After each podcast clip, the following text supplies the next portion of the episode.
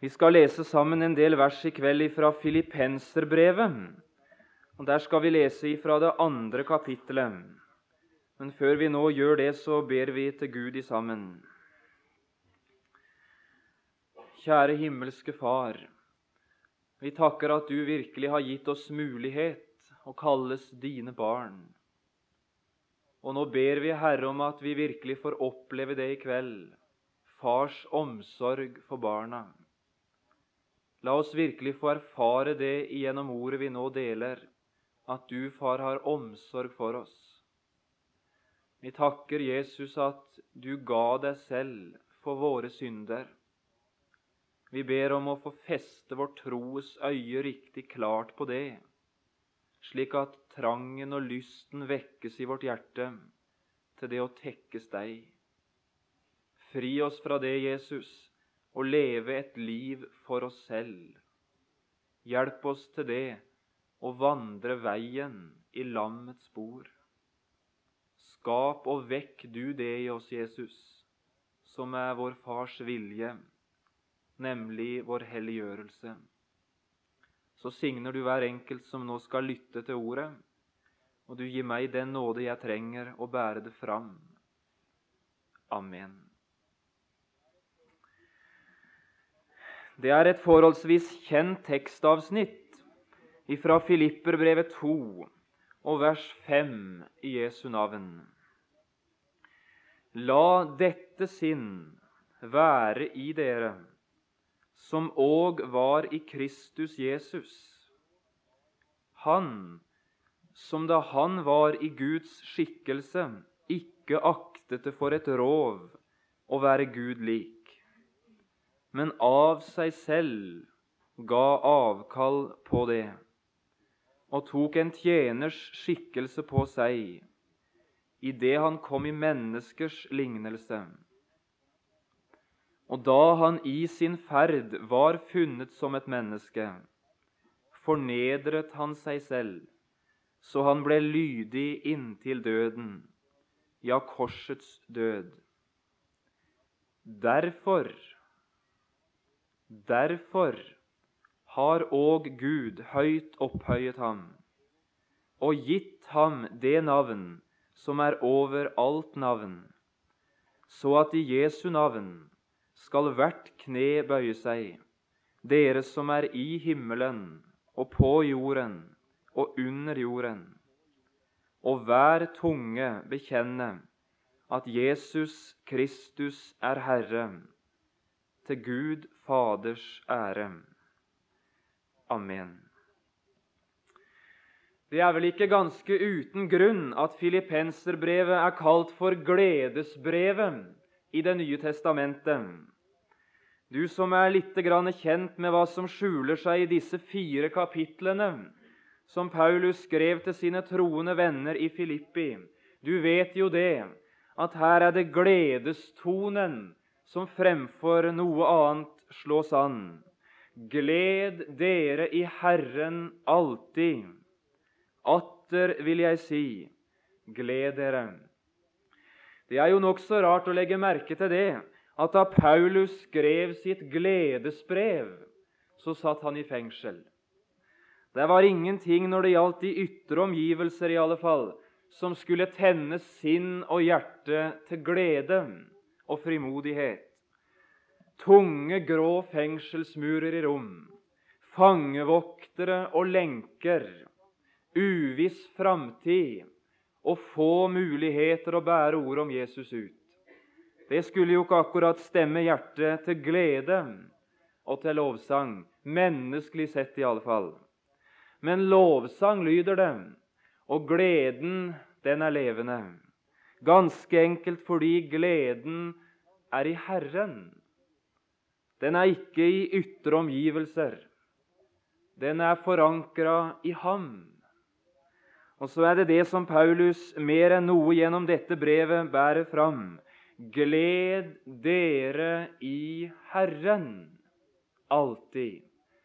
Når det gjelder dette liv som vi lever her i verden, så skifter det med gledesgrunner og grunner til frimodighet. Av og til har vi menneskelig sett stor grunn til glede og frimodighet. Iblant så er det liten grunn i verden, men alltid skal vi få glede oss i Herren. De var forresten ganske sikkert ikke så ukjent med det at fengsel og glede hører sammen i Filippi. De aller fleste av de huska evangeliets morgenrøde i Filippi. Da Paulus kom, møtte Lydia ute ved bedestedet, fikk oppleve at Herren opplot hennes hjerte så hun kom til tro. Da de fikk hjelpe denne kvinna som var besatt av spådomsånden, og deretter ble kasta i fengsel, så visste de utmerket godt hva som var skjedd. Ved midnattstid holdt Paulus og Silas bønn og sang klagesanger. Nei, nei, og sang lovsanger. I fengsel. Her hadde de kommet til Filippi endog etter et himmelsk syn. Kom over til Makedonia og hjelp oss. Og det første de støter på i den første by de kommer, det er fengsel. Er dette Guds vilje? Er dette din vilje, far? at vi skal sitte her ved midnattstid, bønn og lovsanger til Herren. Der var nemlig en sjel som skulle frelses. Og så måtte der to tjenere i fengselet den natt for at nettopp han skulle bli berga, som var fangevokter. Lovsang og glede knytta til ytre kår, nei da, men glede i Herren. Hvis vi leser igjennom Filipperbrevet, så finner vi ut det at Paulus antyder flere grunner eller flere toner av denne gledesangen. I begynnelsen av brevet sitt så taler han noe om bønnens glede. Vers 4 i kapittel 1. I det jeg alltid, når jeg ber, gjør min bønn for dere alle med glede. Bønnens glede. Litt lenger ut i kapittel 1 så taler han noe om gleden over å få stå i evangeliets tjeneste. Vers 18. Og Det har jo en noe spesiell foranledning. Det var noen som ble så ivrige etter å forkynne Kristus fordi de ble misunnelige på Paulus. Og En skulle jo tenke det at han var veldig bekymra da over de dårlige motivene. Det var noen som så sikkert at det var Paulus som sto fram og ble sentrum for Guds gjerning både i Filippi og i Rom og mange steder. Og Før så var det kanskje de som hadde vært sentrum, og nå var ikke alles øyne akkurat retta på dem. Og så gikk de i gang med iver og nidkjærhet å forkynne Jesus. Av avvind, står det. Og er Paulus' reaksjon bekymring? Nei da. Hva da?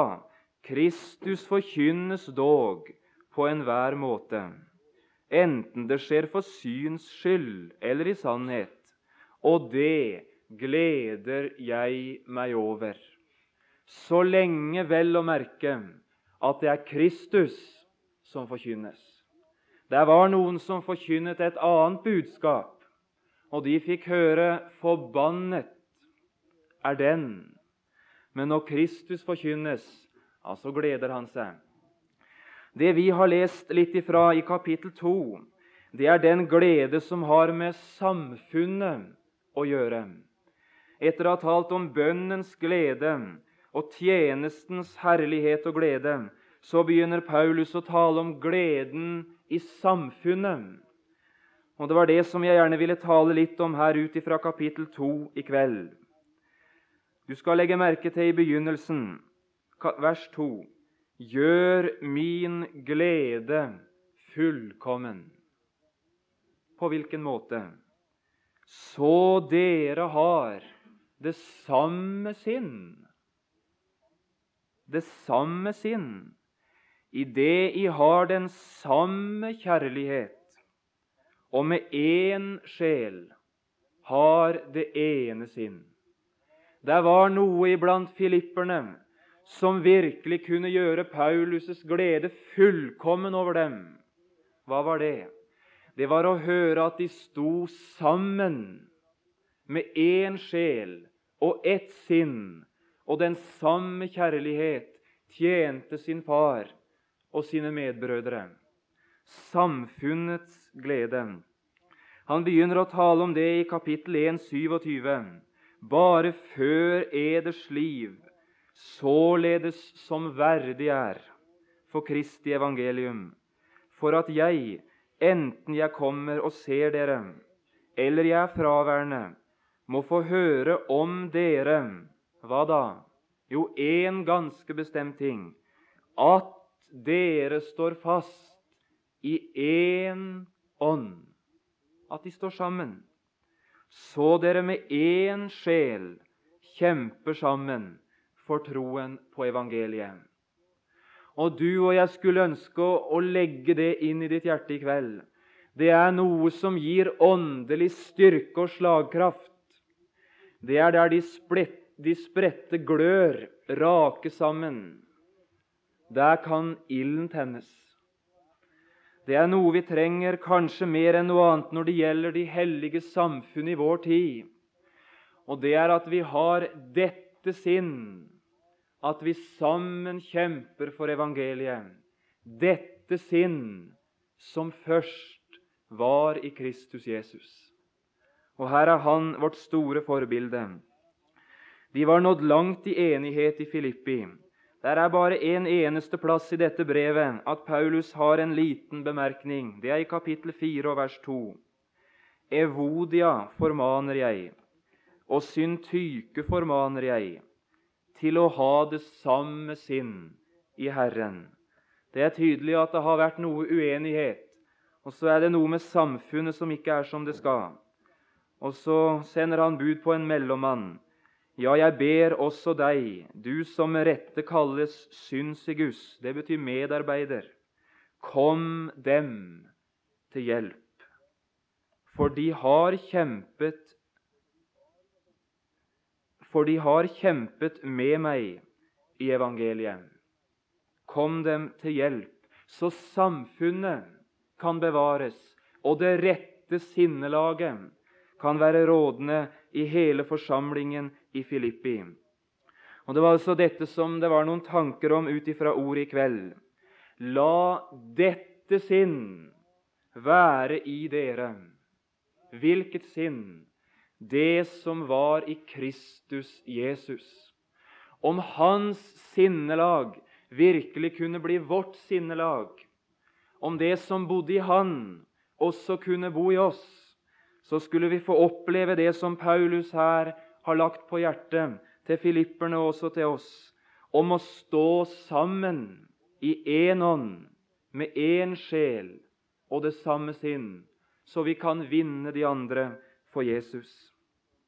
La dette sinn være i dere, som òg var i Kristus Jesus. Dette er nemlig ei side ved Kristi gjerning i 1. Peters brev i kapittel 2 der tar Peter fram en tanke som jeg nesten har lyst til å kalle 'det glemte perspektiv' ved Kristi lidelse. Det er mange sider ved Kristi lidelse som vi taler mye om. Men i 1. Peter 2, 21, så er det ei side ved Kristi lidelse som det er lite tale om. Hva er det for ei side? Hør nå.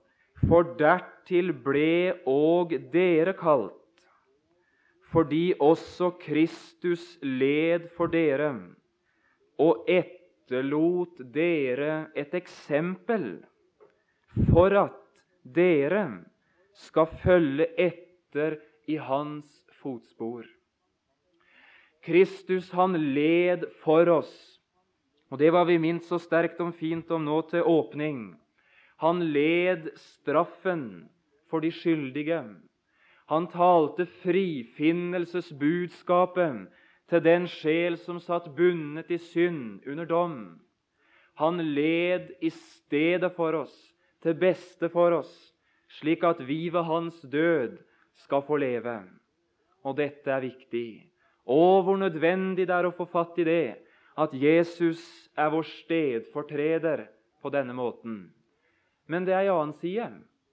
Kristus led for oss og etterlot oss noe. Det var noe Jesus tok bort. Det var noe han bar bort, nemlig synden. Og med det så bar han bort både syndens ansvar og syndens dom og følge, fordømmelsen. Det var hva Jesus bar bort, men det var noe han etterlot. Jesus bar ikke alt bort, men det var noe han lot igjen. Han etterlot i det han bar bort noe, så etterlot han noe annet. Han etterlot et eksempel.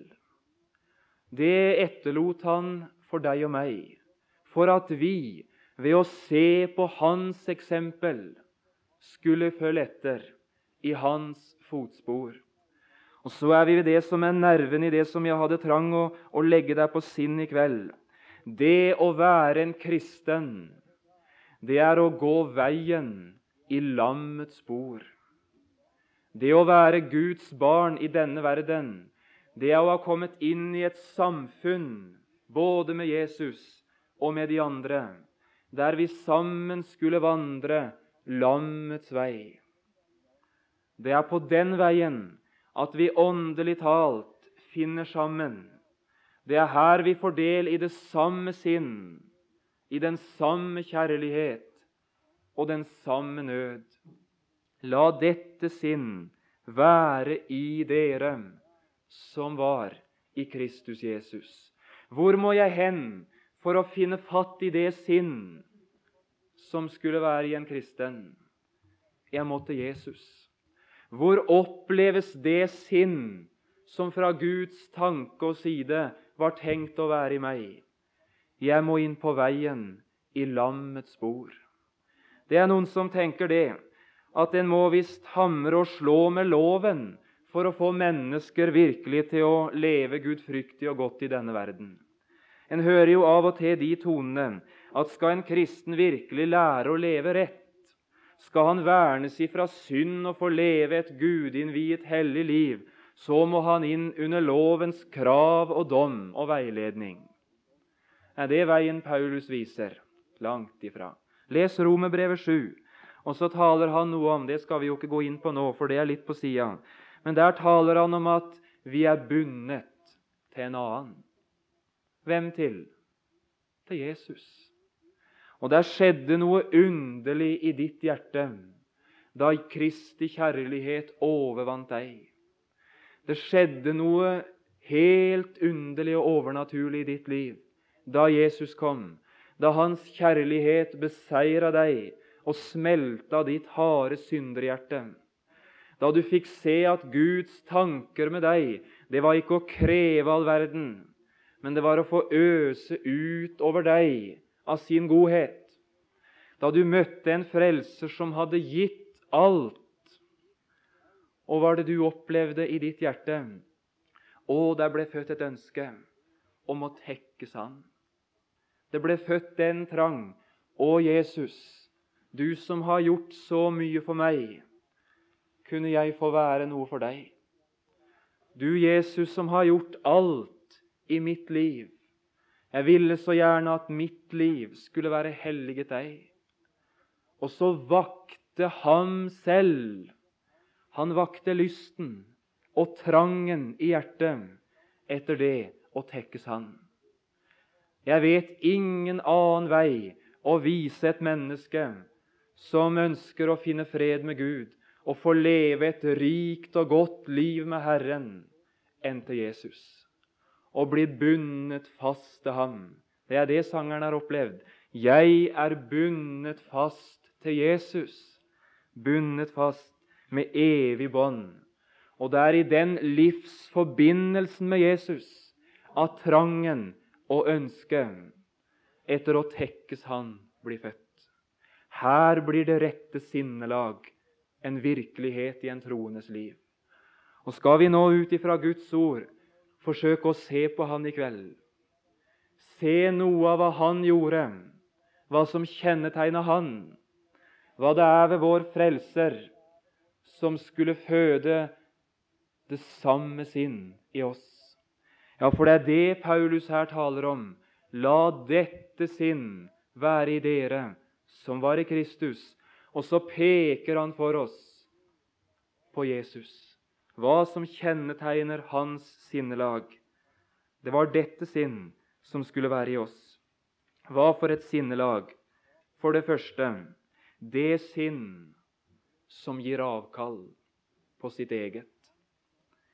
Han som, da han var i Guds skikkelse, vers 6, ikke aktet det for et rov å være Gud lik, men av seg selv ga avkall på det.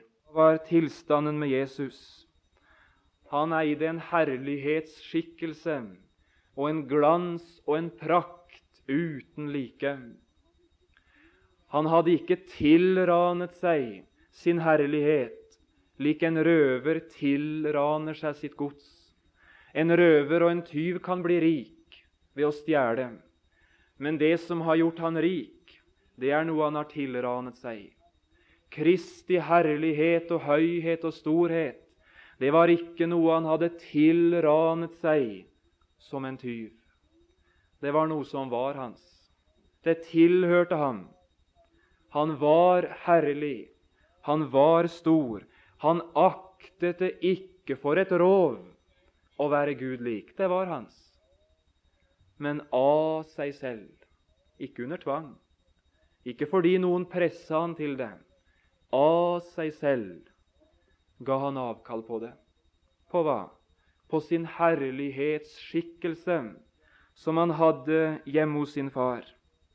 Han, Hebrebrevet 1,3, som var avglansen av hans vesen. avbildet, Avglans og avbilde av Faderen selv. Han ga avkall.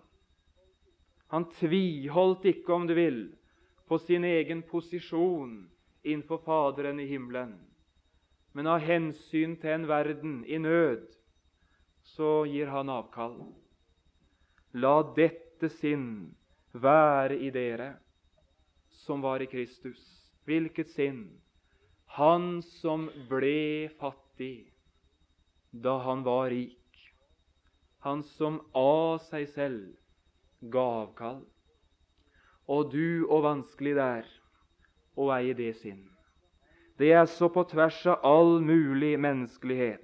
Og jeg undres på om det ikke er noe lite kjent også iblant oss som tror. Og er det de sier i vår tid? Stå på krava, sier de. Jo da. Ikke for, ikke for noen pris gi avkall på det som er din rett. Gå gjerne til streik. Gå gjerne til det å, og slutte å jobbe, og bare stå på krava. Vær beinhard, og ikke bøy deg for noen pris. Stå på krava. Ikke gi noe fra deg av det som er ditt, av det du har rett på. Og om du ikke akkurat har rett på det, så stå på likevel. Så kanskje du fikk enda noe mer enn du egentlig trengte. Han, han tviholdt ikke. Han kjempet ikke for å beholde noe som egentlig var hans, men han ga avkall. Og du, om vi i Guds forsamling kunne lære det, å være av de som frivillig, ikke fordi mennesker krevde det, men fordi Jesus innbød oss til det, kunne være av dem som virkelig ga avkall. Ord som forsakelse, Ord som offer, ord som det å gi avkall, det er nesten døden for en del mennesker i vår tid. Blir en forbigått, vet du. Det var min tur liksom til å komme inn i styret, eller hva det nå var for noe. Og så ble en annen valgt, og så var det min tur. Og så blir en fornærma, vet du, fordi en, en fikk ikke den posisjon og den plass som en hadde krav på. Og Blir det spørsmål i et møte om kollekten eller å gi noe til Guds rike, så er det noen som, som har det sinnelaget. Bestandig skal de nå mase om de pengene. Det, og så har du litt av det samme sinnelaget. Det sinnelag som alltid skal tviholde på sitt eget. Alltid tviholde på sin rett. Alltid tviholde på det som hører de sjøl til. Nei, sier Skriften, dette er ikke et rett sinn. La dette sinn være i dere, som var i Han han ga avkall av seg selv frivillig. Og du, om vi kunne lære noe av det Og det er det Paulus skriver om like før her, i begynnelsen av vers 3. Ikke gjør noe av trettesyke, av selvhevdelse, står i den nye oversettelsen, og det er et knakende godt uttrykk. Av selvhevdelse. Hva er det for et sinn? Det er det sinn som vil at ego, jeg, skal i sentrum. At det er meg de skal se på, at det er meg de er opptatt med. Det sinn som skal hevde seg selv, gjerne på bekostning av de andre. Ikke selvhevdelse, sier Paulus, eller lyst til tom ære. Det er ikke noe gudfryktig rett sinnelag. Nei, la dette sinn være i dere, som var i Han, det sinn som gir avkall. Også om du har rett, også om det er ditt, gi avkall. Det andre tjenerskinnet. Vers 7 tok en tjeners skikkelse på seg. Det var noe Jesus tok av. Det var herlighetsskikkelsen. Det var noe han tok på. Det var tjenerskikkelsen. Tok en tjenerskikkelse på seg. Hele Jesu liv, det er en tjeneste til frelse. Hvorfor forlot han himmelens herlighet og ble født inn i vår verden? Han kom for å tjene. Å tjene oss på denne ganske bestemte måte til frelse. Se min tjener, sier Esaias i kapittel 42 og vers 1. Se!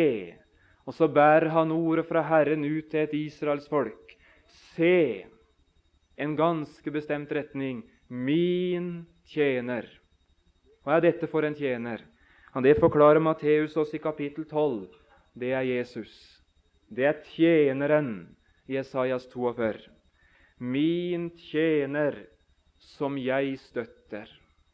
Min tjener som jeg har behag i. Herren, han støtter tjeneren. Herren har behag i tjeneren. Jesus kom som tjener, og som tjener er han vårt forbilde. La dette sinn være i dere. tjenersinnet. Vi husker gjerne ifra Johannes 13 om hvorledes Jesus helt imot slutten av sitt liv lærer sine disipler noe om det. Dere kaller meg mester og herre, og dere sier det med rette, for jeg er det. Har nå jeg, deres herre og mester, vasket deres føtter, så er også dere skyldig til å vaske hverandres føtter. For jeg har gitt dere et forbilde for at dere skal gjøre som jeg har gjort med dere. Og hva var det Jesus hadde gjort? Han hadde bundet opp om seg, og så hadde han tjent sine venner i denne verden. Jeg har gitt dere et forbilde, sier Jesus, og så skal vi være som han var. La dette sinn være i oss som var i Han. Eller vi husker vel også det kjente ordet fra Markus 10. Der taler Jesus om menneskesønnen, altså ham selv, som ikke var kommet for å la seg tjene, men for selv å tjene. I den sammenhengen så har Jesus talt noe om hva som er skikk og bruk i denne verden. Og Sånn er det bestandig i Guds ord. Er det noe som kjennetegner denne verden, så er det motsatt i det åndelige. Er det noe som karakteriserer denne verden, så kan du skrive opp at det er motsatt når det gjelder den åndelige verden. Og Det er sammenhengen her. Markus 10, 42. Da kalte Jesus dem til seg og sa:" Dere vet at de som gjelder for å være fyrster Jeg har med denne verden å gjøre. De hersker over sine folk, og deres stormenn bruker makt over dem. Det er denne verden det er herske.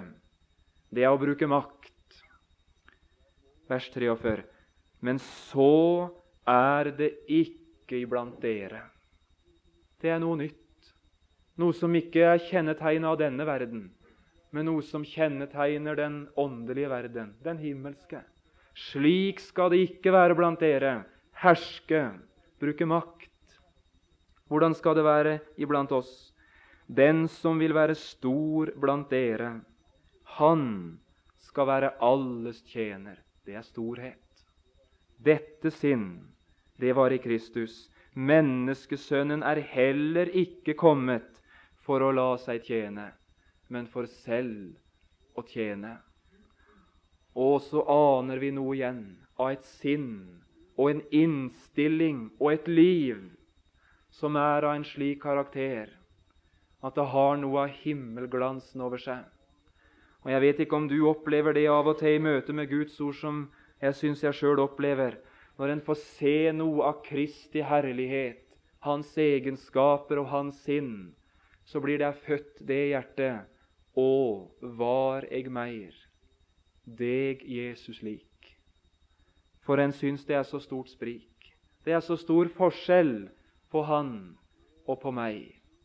Sjå meire på Jesus, så vert du ham lik. Det er den eneste vei til å la hans sinn bli oss. Ganske enkelt å se på Jesus, betrakte han, leve i dette og feste sitt blikk på han. Så skaper det blikket noe i oss, det sinn som var i ham. Og det der er praktisk. Tjenersinnet. Et år han hører på Østlandet, det hører han sikkert her på vest òg. Unge sier det. Nei da, vi er ikke interessert i å gå på møter på bedehuset, for der er det gamle, bare sånne gamle pensjonister, og, og, de gjør ingenting på bedehuset for oss unge. Så dit går vi ikke. Vi, de tar jo ikke hensyn til oss, og det er så gammeldags og rart, og, og de gjør ingenting for oss. La seg tjene. Var det det vi var kalt til? Å be alle andre i denne verden være til for oss, være opptatt med oss, ta hensyn til oss. Var det det Jesus kalte oss til? Å sitte i de helliges forsamling og nyte fordi de andre tenkte bare på oss, og så gjorde de alt for at vi skulle finne oss til rette. Ikke for å la seg tjene, men for selv å tjene. Jeg hadde så lyst til å si det til deg som er ung kristen. Du skal være i Guds forsamling, ikke for å nyte, det skal du òg få lov, og du skal få nyte så mye som du bare har godt av. Men du skal òg få være her for å yte, for selv å tjene. Og Så hører vi vel det også iblant de voksne, for å ta med det. Ja, unge skal jo være voksne, de òg nå for tida, men det er noe så. Vi hører det blant de eldre, da. Du kommer vel på møte i kveld? Ja, hvis jeg får anledning. Ja, hvis det legger seg sånn til rette. Ja, hvis jeg får tid. Ja, hvis det ikke kommer noe annet i veien. Ja, hvis det passer sånn. Hva er dette for en innstilling? Ja, jeg kommer hvis det passer. Ingen tanker på at Guds forsamling, det er stedet jeg skal få tjene. Det er stedet jeg skal få være med det jeg er betrodd av Herren, og tjene de andre. Og det er noe som kjennetegner vår tid. Det er uvillighet til å forpliktes. Det er uvillighet til å ta ansvar. Det er uvillighet til å være av de som du kan regne med. Og en skal ikke være så ganske lenge på en ny plass før en ser det ned i bedehusbenkene hvem det er som er å regne med. Og da taler jeg ikke om de som ikke er der fordi de er sjuke eller spesielle ting. Men det er noe underlig òg at hver gang du kommer til den samme plassen, så er det noen bestemte som er der. De var der på hvert møte forrige gang, og de er på hvert møte nå òg.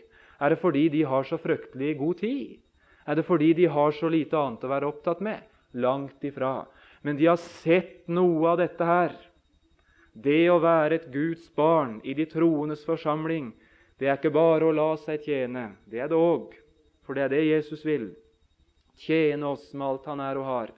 Men det er også selv å tjene, nemlig de andre. Og Jeg hadde sånn trang å si det om dette sinn kunne være i oss. Tjenersinnet. Og så flyr visst klokka fort der, så det var litt til slutt. Det tredje det sinn som fornedrer seg selv. Da han i sin ferd var funnet som et menneske, fornedret han seg selv. La dette sinn være i dere. Som menneske så fornedra Jesus seg. Det var ikke det at Jesus ble menneske, som var noen fornedrelse. Kristi fornedrelse det var ikke dette at han ble ikledd kjøtt og blod. Også i dag så er Kristi herlighetsskikkelse en legemlig skikkelse. Men der står 'da han i sin ferd var funnet som et menneske', fornedret han seg. Og er Kristi fornedrelse. Ja, Det kunne vi vel tale mye om, men skal ikke gjøre det. Vi ser Kristus i fornedrelsen, der han står i møte med falske anklager, bakvaska og spytta på. Vi ser en frelser som står der uten et ord, som tidde. Hører du ikke anklagene som de bærer frem imot deg? Tidde. Kunne han ha reinvaska seg? Ja visst kunne han, men sto der midt iblant dem i en fornedrelsesskikkelse som nesten ikke ligna noe. Esaias 52, 14 taler at, han var, at han var så ille tilrett at han ikke så ut som et menneske. Det er Kristus på vei inn i fornedelsen. Piska, håna, slått, tornekront. Selve fornedelsen, det er dette gjort til synd for oss. Evangeliet peker på en himmelsk gudesønn, ren og hellig som ingen. Han som ikke visste av synd, ble gjort til synd. Og så er Jesus på vei inn i fornedelsen. Så steg du i vår jammer ned, så dypt som ingen vet. Det fornedrende sinn det sinn som er villig å gå djupt ned av hensyn til de andre. La dette sinn være i dere som var i Kristus. Er det sinn et sinn som kjennetegner deg og meg? Jeg undres på om ikke det er motsatt. Hvis det er noen som vi syns ikke gjør rett og skjell imot oss, ja, så tenner vi på alle plugga. Sier de noe imot oss eller om oss som ikke er sant, her kommer kanskje et rykte og noe ut om oss som vi vet det var ikke helt sant. Og tror folk det, så kommer vi i kanskje et litt uheldig lys. Så går vi i gang da, vet du, med å rydde opp. Og så tenner vi, og så kjører vi på, liksom, for å berge oss sjøl. For at ikke andre skal tenke lavere og dårligere om oss enn det virkelig er grunn til. Og gjorde Jesus falske anklager. Han tidde feige, usanne beskyldninger. Ikke et ord. Truet ikke, men overlot det til Han som dømmer rettferdig. Jeg hadde altså sånn trang å si, og det skriver jo Peter noe om i kapittel 2. Hvis dere lir fordi dere har syndet og gjort urett, så er det ingen ros. Da fortjener du straff. Men hvis du lir urettferdig, hvis du ikke har gjort noe galt, og du likevel må li, så finner dette nåde hos Gud. Det sinn som ikke er redd for at det ikke skal bli så mye igjen av meg og mitt navn og mitt rykte. Bare det kunne bli mye av Hans navn og Hans rykte. La dette sinn være i dere. Og Så var det det siste, og det skal jeg slutte med. Det var det lydige sinn. Han ble lydig inntil døden. Ja, korsets død. Og her er vi ved selve nerva i Kristi sinn. Selve det som kjennetegner hele hans liv og gjerning for oss. Det var det sinn som satte mennesker til side, som satte selviske hensyn til side, som bare var forplikta en vei, imot Han, som ble lydig. Lydig mot hvem? lydig mot sin far, lydig mot den plan til frelse Faderen hadde lagt, lydig imot fars vilje som menneske i denne verden, ja, lydig inn til døden. Og ved det at han som var sønn, ble lydig, sier Hebrebrevet 5, og ble fullendt, så ble han opphav til evig frelse. Hvem for? For dem som lyder. La dette sinn være i dere som var i ham. Lydighetens vei og lydighetens sinn førte Kristus inn som opphavsmann til en evig frelse. Det ble noe av det lydige sinn. La dette sinn være i dere, det som var i Han. Og der er mange løfter i Skriften knytta til lydighet. Og det skal jeg ikke gå noe inn på, bare slutte slik. Det er én ting det skal spørres om for et sant Guds barn når det kommer til stykket. Det var om det ord du hørte, ble tatt imot. Det var om troens lydighet ble virka i ditt og i mitt hjerte. La dette sinn være i dere som var i Han. Han som var forplikta på Faderens vilje. Han gikk foran oss og etterlot oss et eksempel. Det er én ting og intet annet som skulle være retningsgivende for ditt og mitt liv i verden. Hva er det for noe? Det er forpliktelsen på Faderens vilje. Du farer aldri vill som innretter ditt liv etter Herrens ord. Du kan nok bli liten i menneskers øyne. Du kan virke svak og usle og feig. Står ikke på sin rett engang. Derfor står om Jesus. Derfor har Gud høyt opphøyet ham. Hvorfor?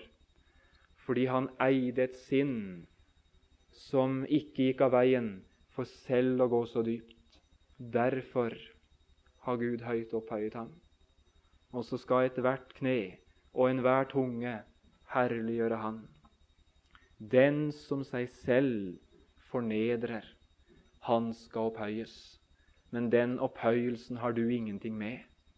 Og så gjør det ikke noe om du er noe liten i denne verden.